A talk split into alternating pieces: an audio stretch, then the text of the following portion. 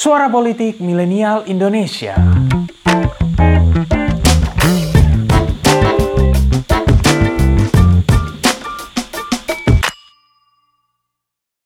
Dengan demikian jelas kiranya bahwa bukanlah Timur-Timur atau rakyat Timur-Timur yang menjadi beban kita, tetapi permasalahan Timur-Timur yang di forum-forum internasional yang tak kunjung terselesaikan. Rekaman tadi barangkali adalah salah satu rekaman paling penting dalam sejarah Indonesia. Buat kalian para Gen Z, ini adalah momen ketika Presiden ketiga Indonesia, B.J. Habibie, hendak melakukan referendum pelepasan Timor Leste dari Indonesia.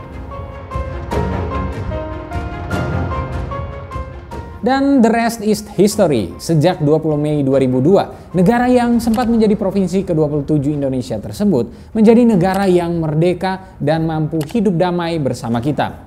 Pada November 2022, Timor Leste bahkan berhasil jadi anggota ASEAN dengan dukungan penuh dari Indonesia. Akan tetapi, hmm, tidak dipungkiri bahwa hingga saat ini masih ada orang-orang yang katakanlah tidak rela Timor Leste menjadi negara yang berdaulat. Di Timor Leste misalnya, masih banyak yang menganggap kehidupan di negara itu bisa lebih baik jika menjadi bagian dari Indonesia. Sedangkan di Indonesia, banyak yang masih menganggap kebijakan Habibie lewat referendum adalah sebuah kesalahan besar. Tapi apakah memang benar akan lebih baik kalau Indonesia dan Timor Leste masih menjadi satu negara? Kira-kira seperti apa ya bila Indonesia dan Timor Leste tidak pernah terpisah? Well, inilah bila bumi Lorosae tak berpisah.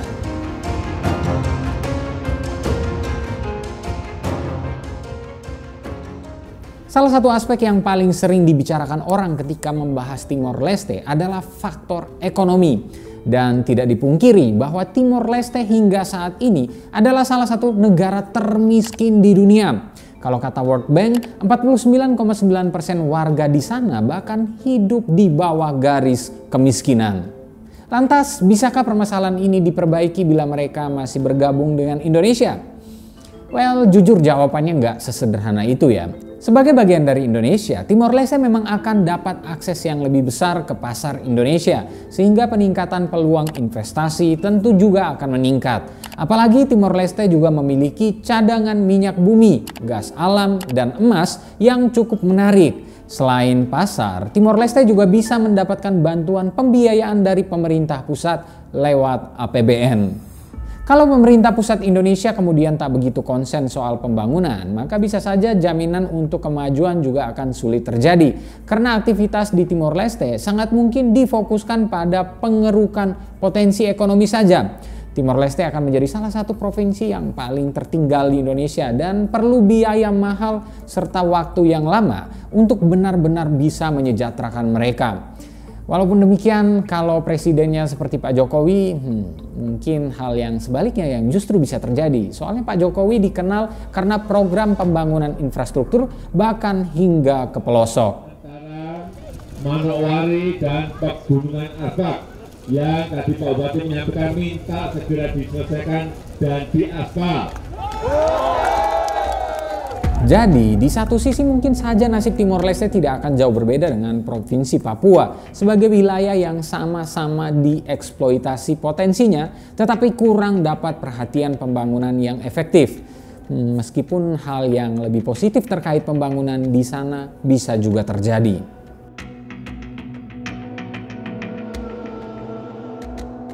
Terlebih lagi, proses Timor Leste menjadi salah satu provinsi Indonesia bukan melalui cara yang damai. Lewat operasi Seroja yang dilaksanakan pada 7 Desember 1975, upaya perangkulan Timor Leste sebagai bagian Indonesia dilakukan melalui pertumpahan darah. Nah, kemudian kalau referendum kemerdekaan Timor Leste tidak pernah ada, tentu besar kemungkinannya perseteruan antara Indonesia dan para militan di Timor Leste akan terus membara hingga sekarang. Apalagi Timor Leste akan jadi satu-satunya wilayah di Indonesia yang dijajah bangsa Portugis, bukan Belanda ya. Ini artinya kalaupun upaya perdamaian diusahakan secara serius, tetap akan ada sekat kolektif memori yang memisahkan warga Timor Leste dengan wilayah-wilayah lain di Indonesia yang tentunya dijajah oleh Belanda. Mungkin hal yang berbeda bisa terjadi jika penguasa di Indonesia mampu menjalin solusi damai. Katakanlah seperti yang terjadi dengan GAM di Aceh. Kalau ini yang terjadi, mungkin saja akan ada keistimewaan atau otonomi khusus yang bisa saja diberikan pada wilayah timur Pulau Timor ini. Well, pada akhirnya diskursus tentang Timor Leste dan Indonesia mengingatkan kita pada salah satu filsafat dasar kenegaraan yang masih berlaku saat ini, yakni sebuah negara yang begitu luas juga akan memiliki masalah yang begitu banyak. Kalau soal ini sih mungkin kaisar-kaisar Romawi akan setuju. Persoalannya tinggal bagaimana kepemimpinan politik di negara tersebut mencari solusi untuk menyelesaikan persoalan-persoalan yang ada. Nah, kalau menurut kalian gimana? Apakah lebih baik Timor Leste tetap bergabung dengan Indonesia atau tetap berpisah? Berikan pendapatmu.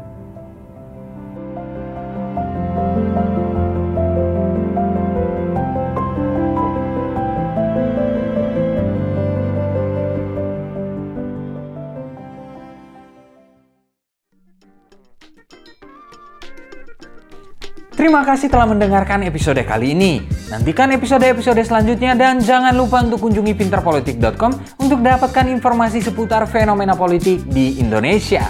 See you next time and bye-bye.